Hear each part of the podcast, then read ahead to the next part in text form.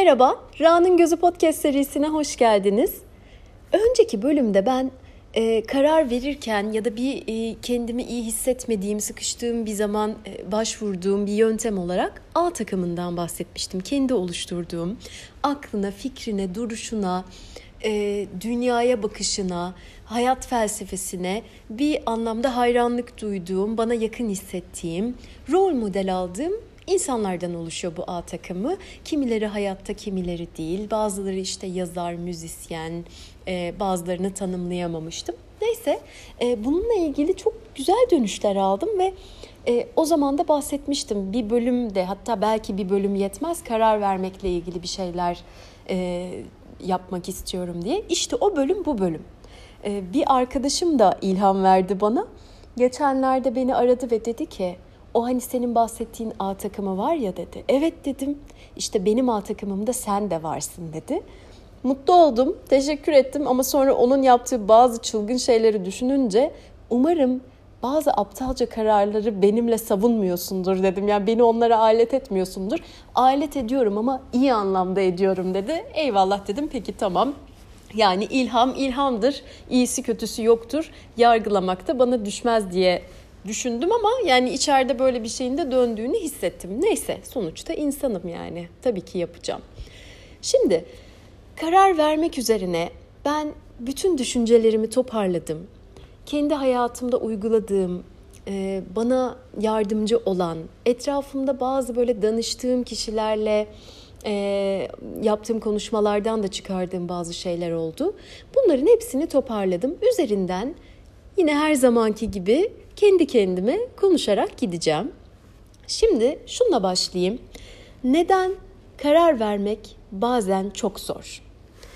Şimdi benim en çok karşılaştığım e, sorun, ya sorun da demek istemiyorum, durum e, nokta atışı yapmaya çalışma halimiz. Yüzde yüz doğru kararı, en mükemmel kararı, bu konuda gelmiş geçmiş alınabilecek en iyi kararı almaya çalışmaya mail etmemiz olacak.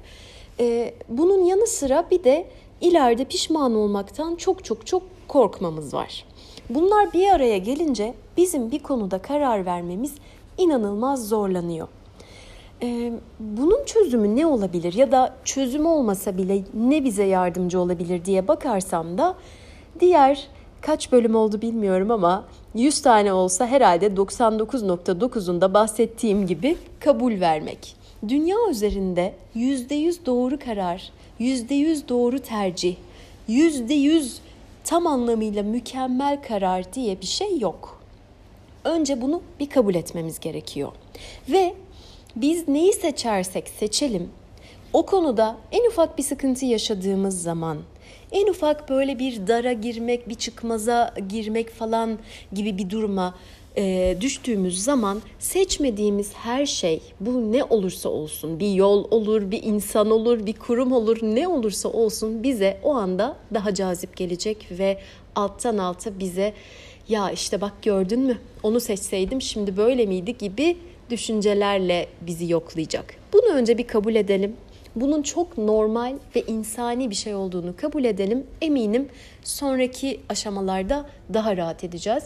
Bu konuda benim podcast'ime örnek verebilirim. Zaten muhtemelen ilk bölümde bahsettiğim gibi yani ben böyle bir şey yapmak istedim sonra erteledim sonra bir şeylerle uğraştım teknik kısmında takıldım falan falan falan.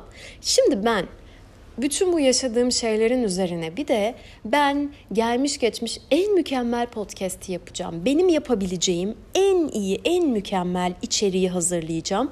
En muhteşem logoyu hazır, tasarlayacağım ve en iyi podcast ismini bulacağım deseydim muhtemelen şu an siz beni dinliyor olmazdınız. Ee, bunların eğer üzerinde çok çok düşünülürse, çok detaylara girilirse çok büyük zaman kaybedeceğimi bildiğim için ben aklıma ilk gelen podcast ismini seçtim. Kendi yaptığım çizimler arasında bu podcast'te ne uyabilir, ne görsem gözüme güzel görünür diye kendi yaptığım bir çizimden logo yaptım.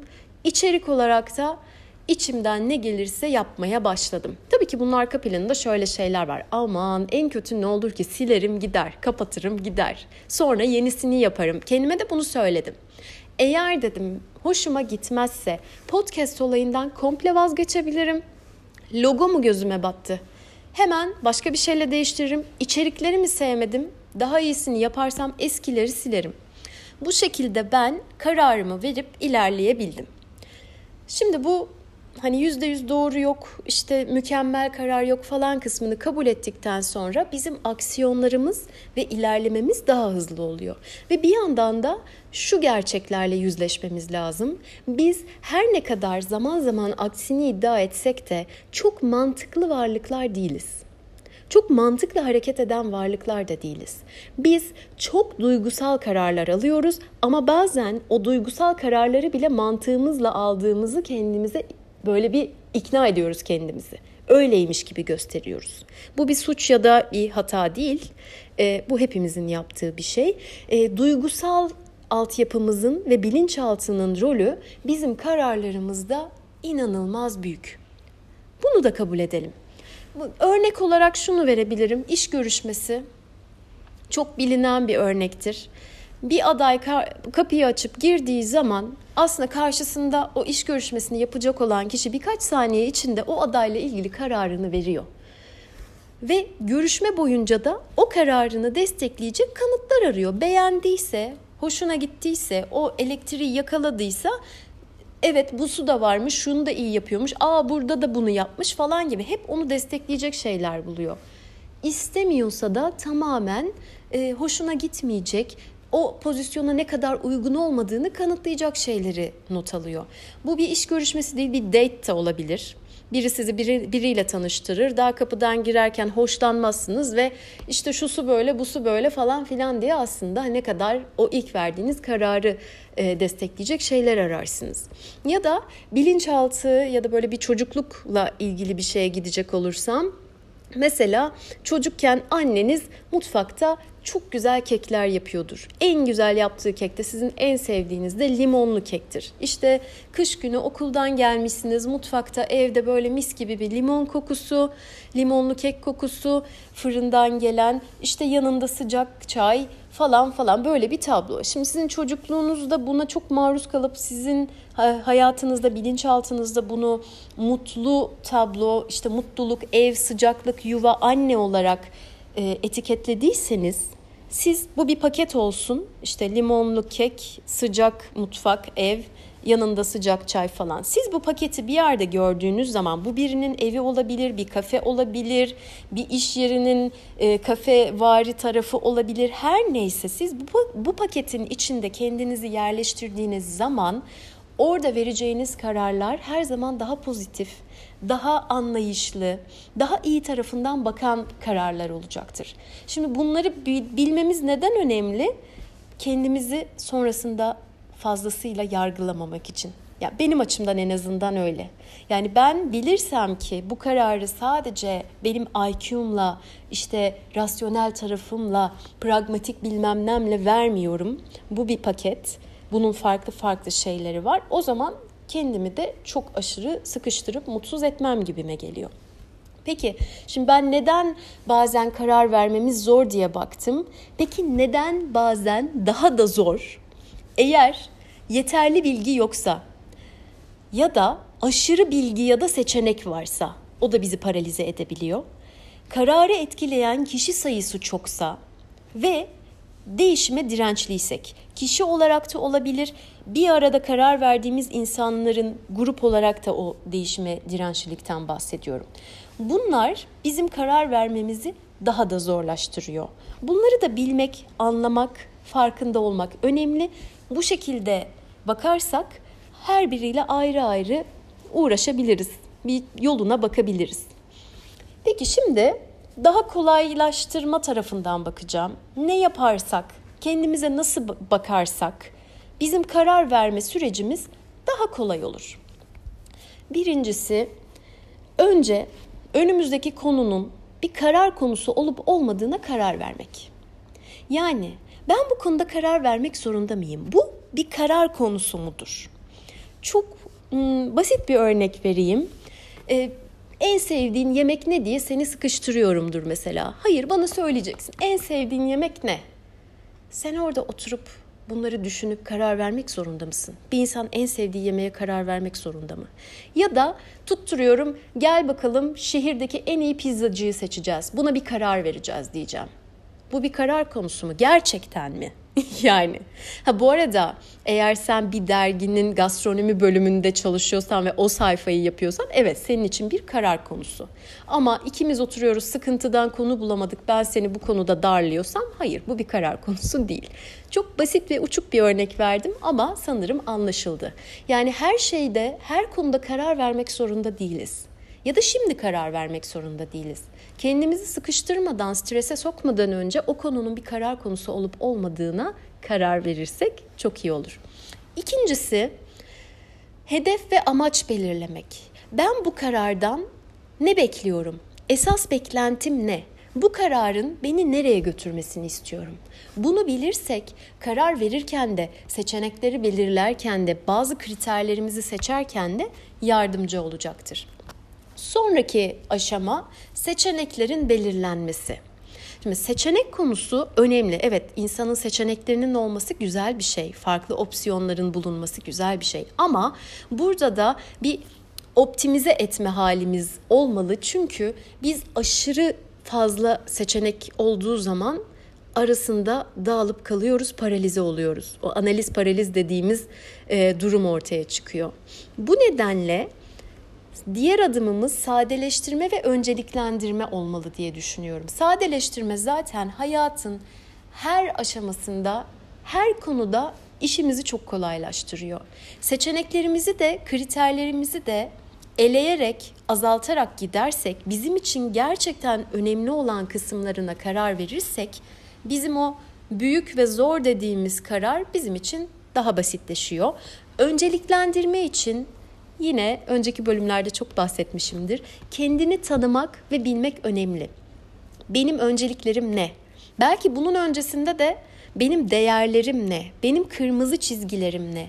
Bunları bilirsek farklı farklı konularda bazen esneyebilir, değişebilir, sıra değişebilir ama genel olarak kendimizi yeterince tanırsak, kendimize yeterince yakından bakarsak bu bize çok yardımcı olacaktır.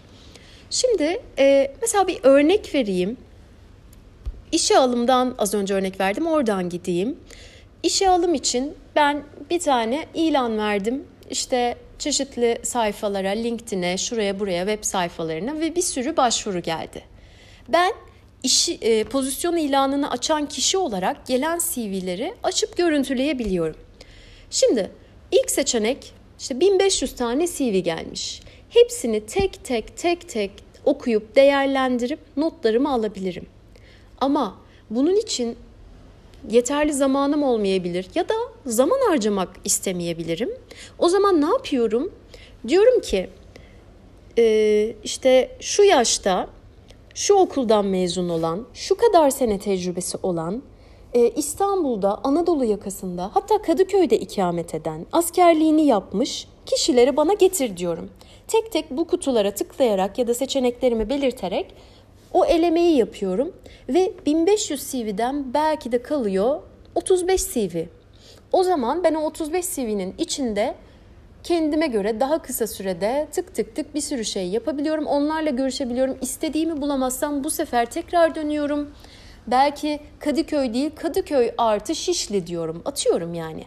Yani burada yaptığımız şey ne?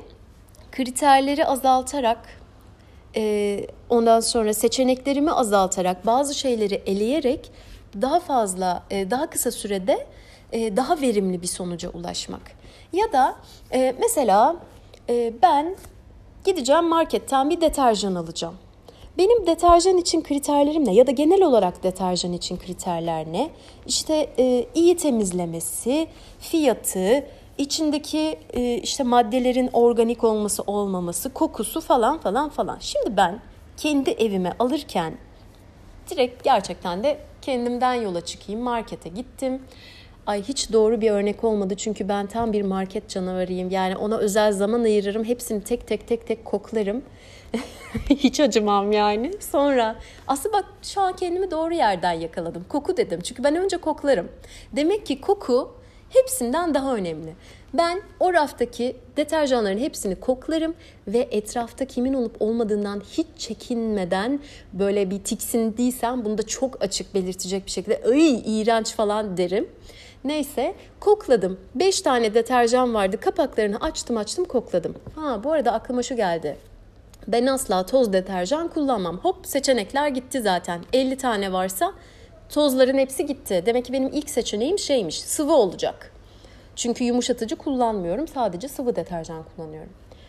Şimdi tozlar gitti. Geriye ne kaldı? Koku. Sıvıların arasında hepsinin kapaklarını açıp e, hepsini kokladım. Kötü kokuları olanlar gitti. Geriye kalanlar arasında e, bildiğim, e, güvendiğim, temizliğine inandığım bir marka olması, tanıdık bir marka olması. Eğer çok böyle çılgın bir günümdeysem tabii tanımadığım bir markayı da deneyebilirim ama genel olarak yani o marka bilinirliği benim için önemli oluyor.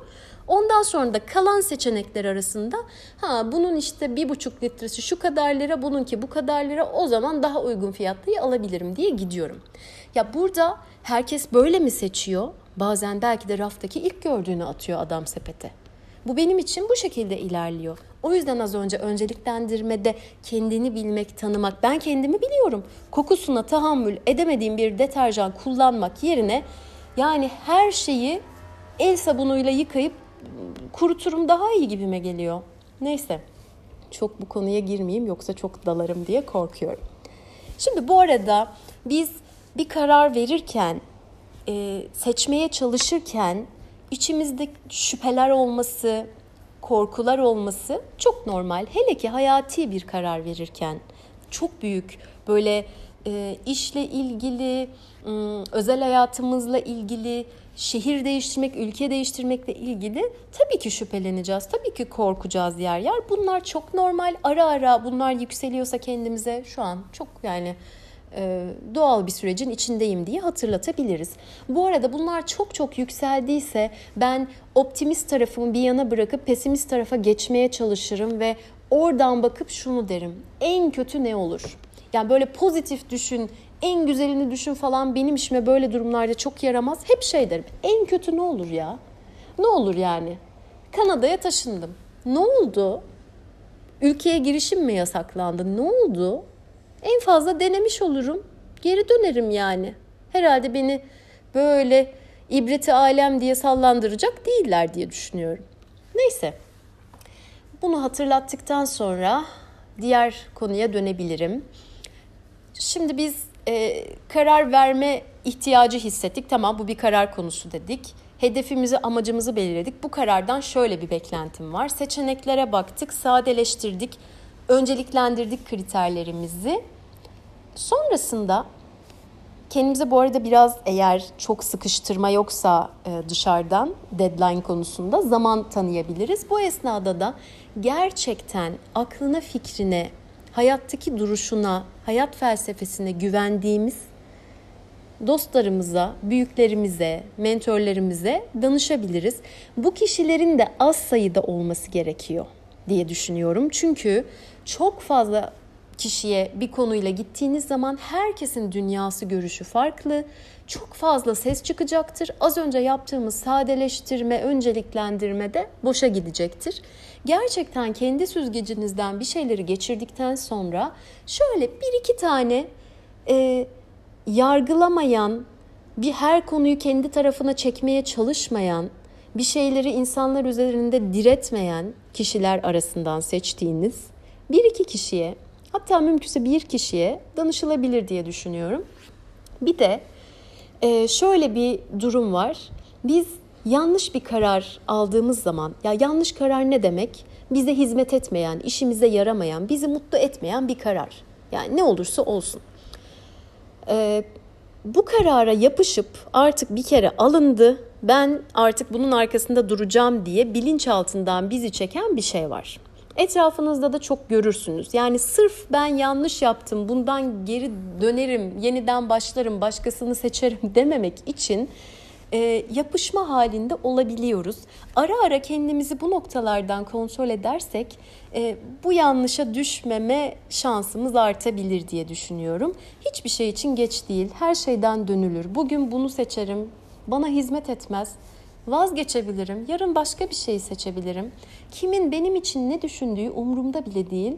Ben kendim için ay ne kadar maymun iştahlısın, bugün buradasın, yarın oradasın diyorsam da bunu kendi içimde halledebilirim diye düşünüyorum.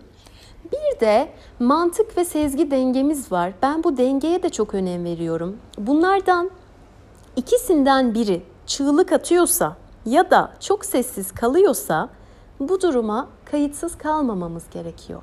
Yani her şeyi yüzde yüz mantıkla ya da sezgiyle e, düşünmek, karar vermek doğru değildir bence de. Bir dengesi olmalı. Ama bir tanesi çok kapandıysa, dümdüz mantık gidiyorsak böyle mutlu muyum, iyi hissediyor muyum? Bu yani içimde ne ne dönüyor, hissim ne? Bazen bu e, gezdiğimiz bir evde olabilir. Acaba burayı alsam mı, almasam mı diye.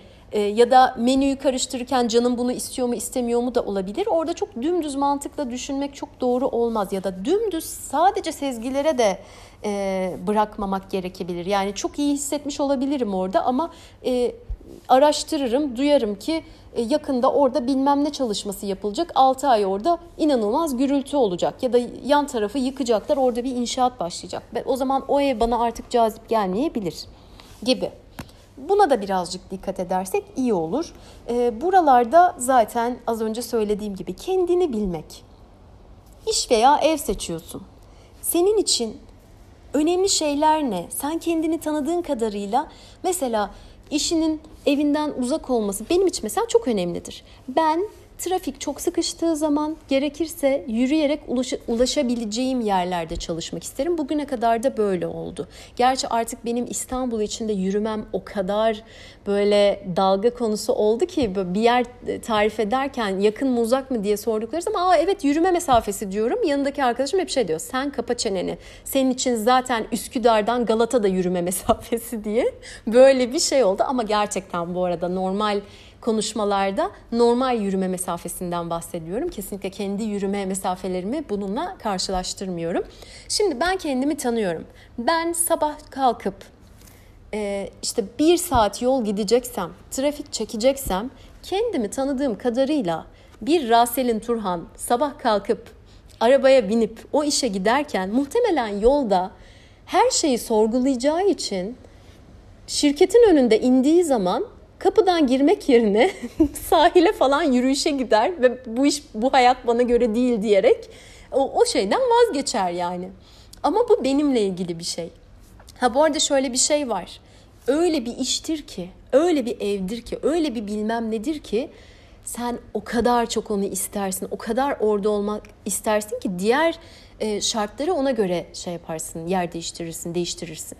Yani e, o kadar böyle istediğim tutkuyla bağlandığım ben bunu yap, yapmalıyım, bu projenin içinde olmalıyım dediğim iş şu anki evime iki saat mesafededir.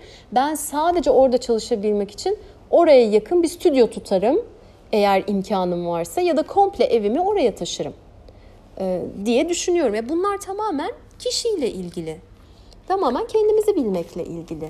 Yoksa diğer türlü büyük hayal kırıklıkları, işte büyük heveslerle başlayıp e, iş iyi, para iyi, ortam iyi, işte title'ım iyi ama e, her gün ölmek istiyorum falan gibi sonuçlara varabilir. Neyse. Şimdi e, bir de ben buna biraz nasıl bakıyorum? Kaynakları iyi yönetmek. Yani iyi karar vermek, kaynakları iyi yönetmek benim için. Bu arada şöyle bir yanılgı da var. Bu maddeye geçmeden önce bahsetmek isterim. Karar vermek hiçbir zaman niyet etmek değildir bunların çok karıştığını düşünüyorum. Yani ben karar verdim şöyle şöyle şunu yapmaya bunu düşünmeye bilmem ne dedikten sonra eğer aksiyona geçmiyorsan hayatındaki her şeyi ona doğru yöneltmiyorsan onun uygulanması ve onun devamlılığı için uğraşmıyorsan tabii ki bu çok büyük kararlar için geçerli hangi pizza yiyeceğin gibi kararlar söz konusu değil bu bahsettiğim şeyde. O sadece böyle bir şeyi niyet etmek olarak kalıyor. Yani bir karar almak Sonrasında bunun aksiyonuna geçmek, ara ara bunu izlemek, takip etmek, bu karar bana hala hizmet ediyor mu diye de çek noktaları oluşturmak demek benim için. Diyerek kaynaklara geri dönüyorum. Kaynakları iyi yönetmek neden önemli? Çünkü hele ki önemli bir karar verirken ben zaman, enerji harcıyorum ve yanında da diğer kaynağım ne? Psikolojik sermayem. Bu ne? Bu arada buna da ben ayrı bir bölüm yapabilirim. Çok çok önem veriyorum. Öz yeterlilik, iyimserlik, umut, dayanıklılık yani resilience, pardon resilience dediğimiz şey. Bunları ben bu kaynaklarımı önemli kararlarımı verirken dibine kadar kullanıyorum.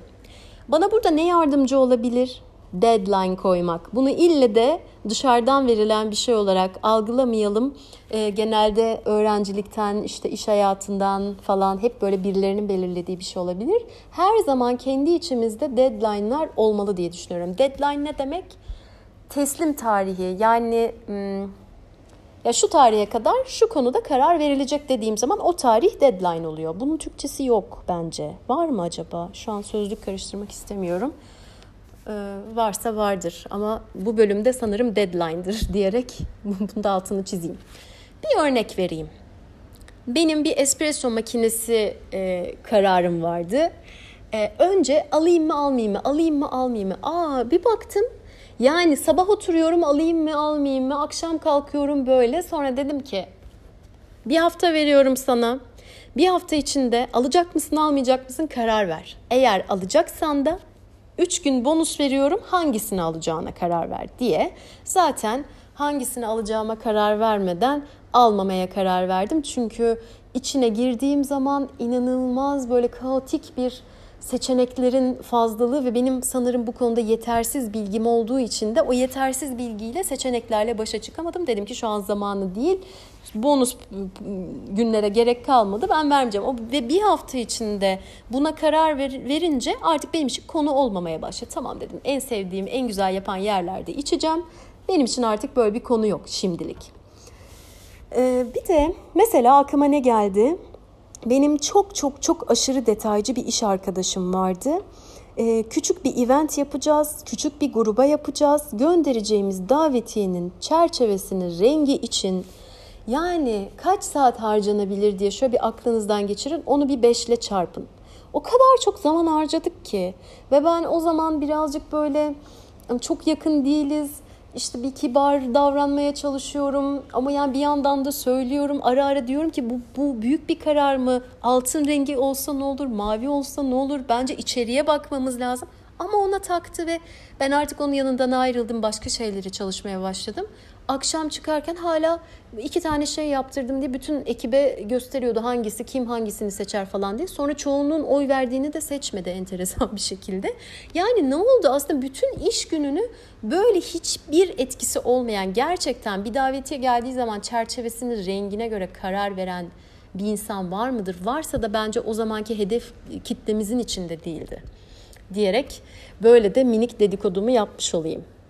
Neyse bunu geçiyorum. Kaynakları iyi yönetme konusuna sanırım yeterince e, girdim. E, bir de böyle çok basit bir tek, bu çok reçete ve teknik şeyleri sevmem ama kendim kullandığım için bahsetmezsem ayıp olur diye düşünüyorum. 3-10 kural, kuralı diye bir şey var.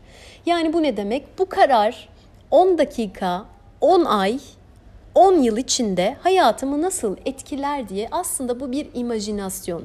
Yani 10 dakikayı kestirebiliriz ama 10 ay ve 10 yıl e, kısmı birazcık daha hayali, daha imajinatif, daha böyle gözlerimi kapıyorum, kendimi nerede görüyorum e, kısmında olan bir şey ama benim hoşuma gidiyor.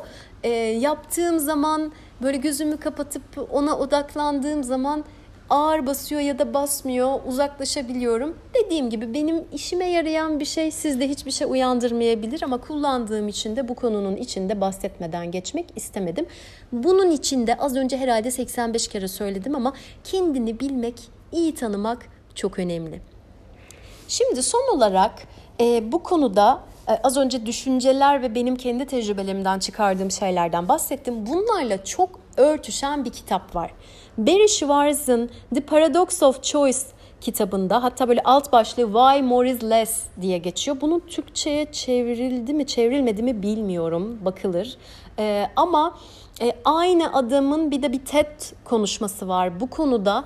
E, kitap boyunca özet olarak bir cümleyle söylersem e, biraz satış ve ürün odaklı gidiyor. Çok seçenek sunmak neden bazen satışları düşürür diye bir soruya cevap arıyor kitapta ve çok da güzel cevaplıyor. ben kendime bunu çok yakın buldum. Kendi tercihlerime, kendi karar alma mekanizmalarıma falan çok yakın buldum. Çünkü az önce bahsettiğim gibi çok seçenek olduğu zaman benim şu espresso makinesi gibi ben paralize oluyorum. Ben mesela e, department store dedikleri böyle çok büyük mağazalar olur ya Boyner gibi, Macy's gibi. Ben oralardan alışveriş yapamam. Yani şöyle oralardan bir şey almam için çok net bir şekilde bir şey vardır. Sadece orada satılıyordur ya da en iyi fiyata oradadır. Girerim hiçbir şeye bakmadan direkt o bölüme giderim. Onu söylerim, alırım, öderim ve çıkarım. Ben oralarda gezemem. Ya zaten böyle çok fazlalık, çok karışıklık beni çok rahatsız eden bir şey. Benimle ilgili bazıları için oralar cennet olabilir. E, ama ben yapamam. Ya da bir örnek daha vereyim. Bir e, Belçika'ya gittiğimiz bir zaman e, Bruges'e gitmiştik. Bruges'da e, çikolata butikleriyle ünlü bir yer ve ben böyle m, tek başıma geziyordum. Gruptan ayrılmıştım ve bir, belli bir saatte de istasyonda buluşacağız, döneceğiz arkadaşlarımızla. E, ve e, bir butiğe girdim Allah'ım her yer, her çeşit çikolata bildiğim, bilmediğim, zamanım az işte çıkıp bilmem kaç dakika istasyona yürüyeceğim.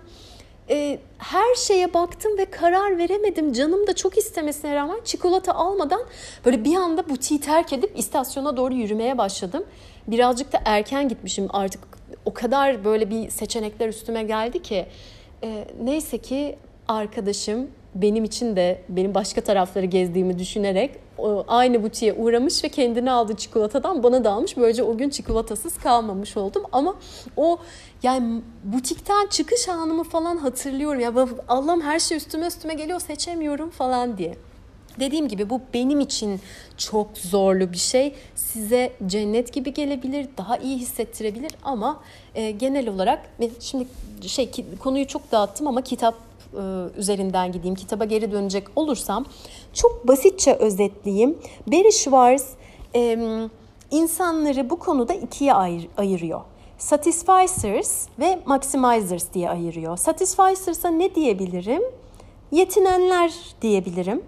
Maximizers'lar da maksimize edenler.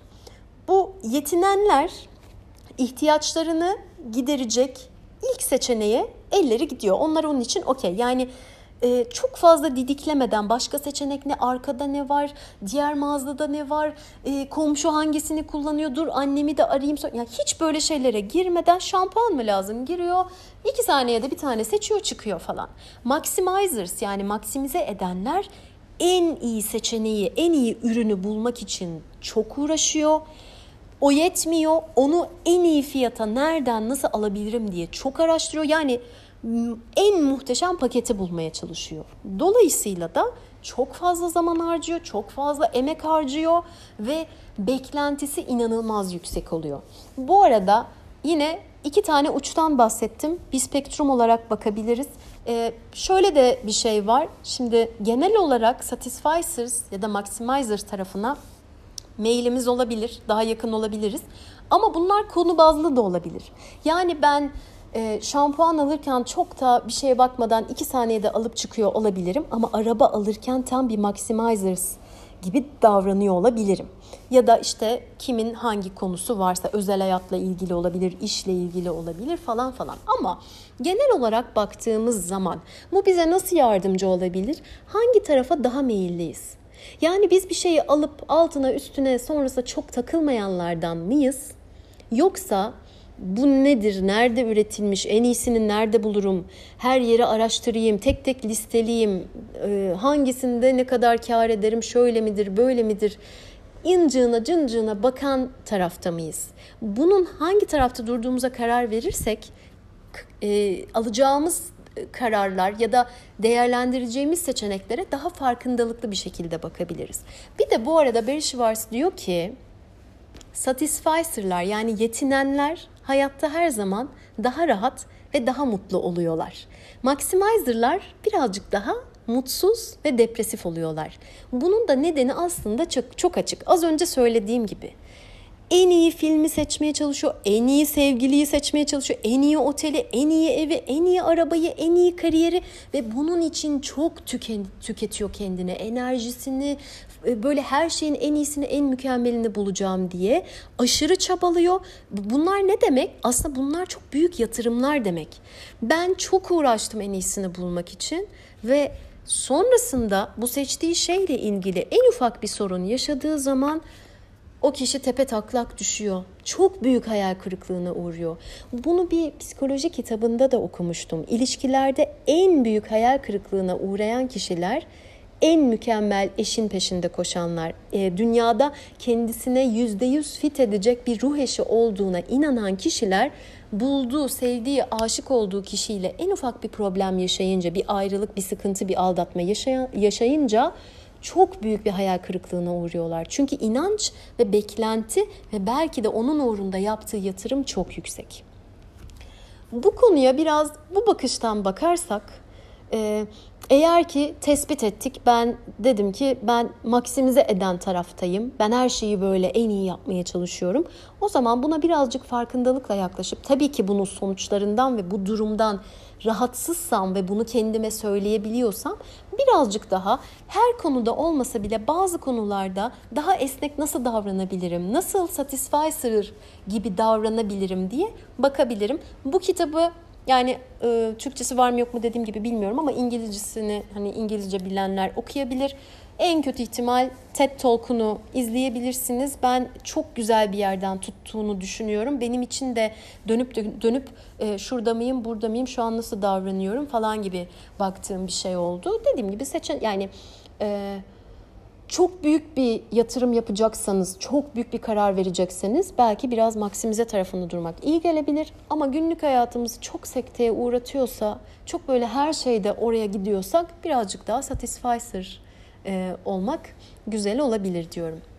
Şimdi e, bölümü bitireceğim ama bir tane de bonus maddem var. O da şudur. Az önce her ne kadar karar vermeyi zorlaştırdığını söylediğim bir düşünce olsa da bence nokta atışları vardır. Ama burada önemli olan kısım bizim onu nokta atışı olup olmadığını anlamamız, onu ıskalamamak.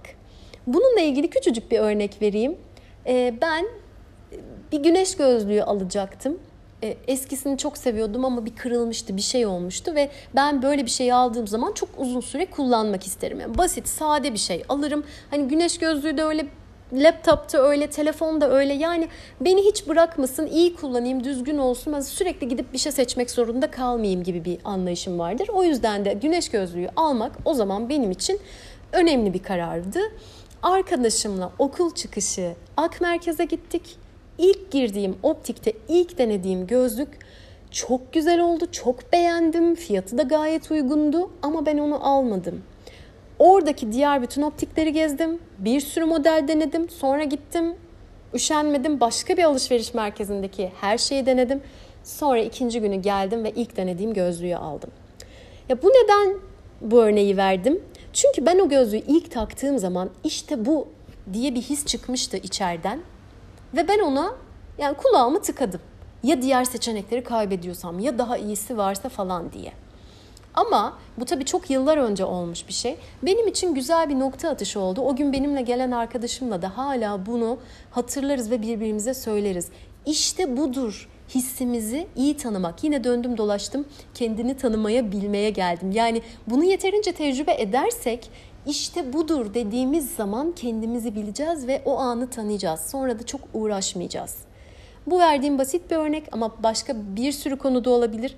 Ya ben de bu arada sanki dönüp dolaşıyorum hep aynı şeyleri anlatıyormuşum gibi geliyor ama bütün bölümler aynı yere gidiyor. Benim yapabileceğim bir şey yok. Yine kendini bilmek, tanımak, kendine yaklaşmak işte budur diyeceğin noktada kendi hissini, duruşunu, şöyle bir içeriden gelen şeyleri yakalamak bu şekilde de nokta atışları atabilmek vardır diyorum. Nokta atışları vardır diyerek bu bölümün sonuna geliyorum. Umarım işe yaramıştır. Umarım ne olur şu konudan da bir bölüm olsun işte A takımından e, referans verip bana bu, bununla ilgili mail atanlar, soranlar, söyleyenler oldu. Karar vermek bölümü olsun, karar vermek bölümü olsun diye. Umarım onların beklentilerini karşılamıştır. Ee, umarım işe yaramıştır diyorum. Ben sadece benim hayatımda yeri olan ve bana yol gösteren, çok işime yarayan bazı şeyleri, bazı düşünceleri paylaştım.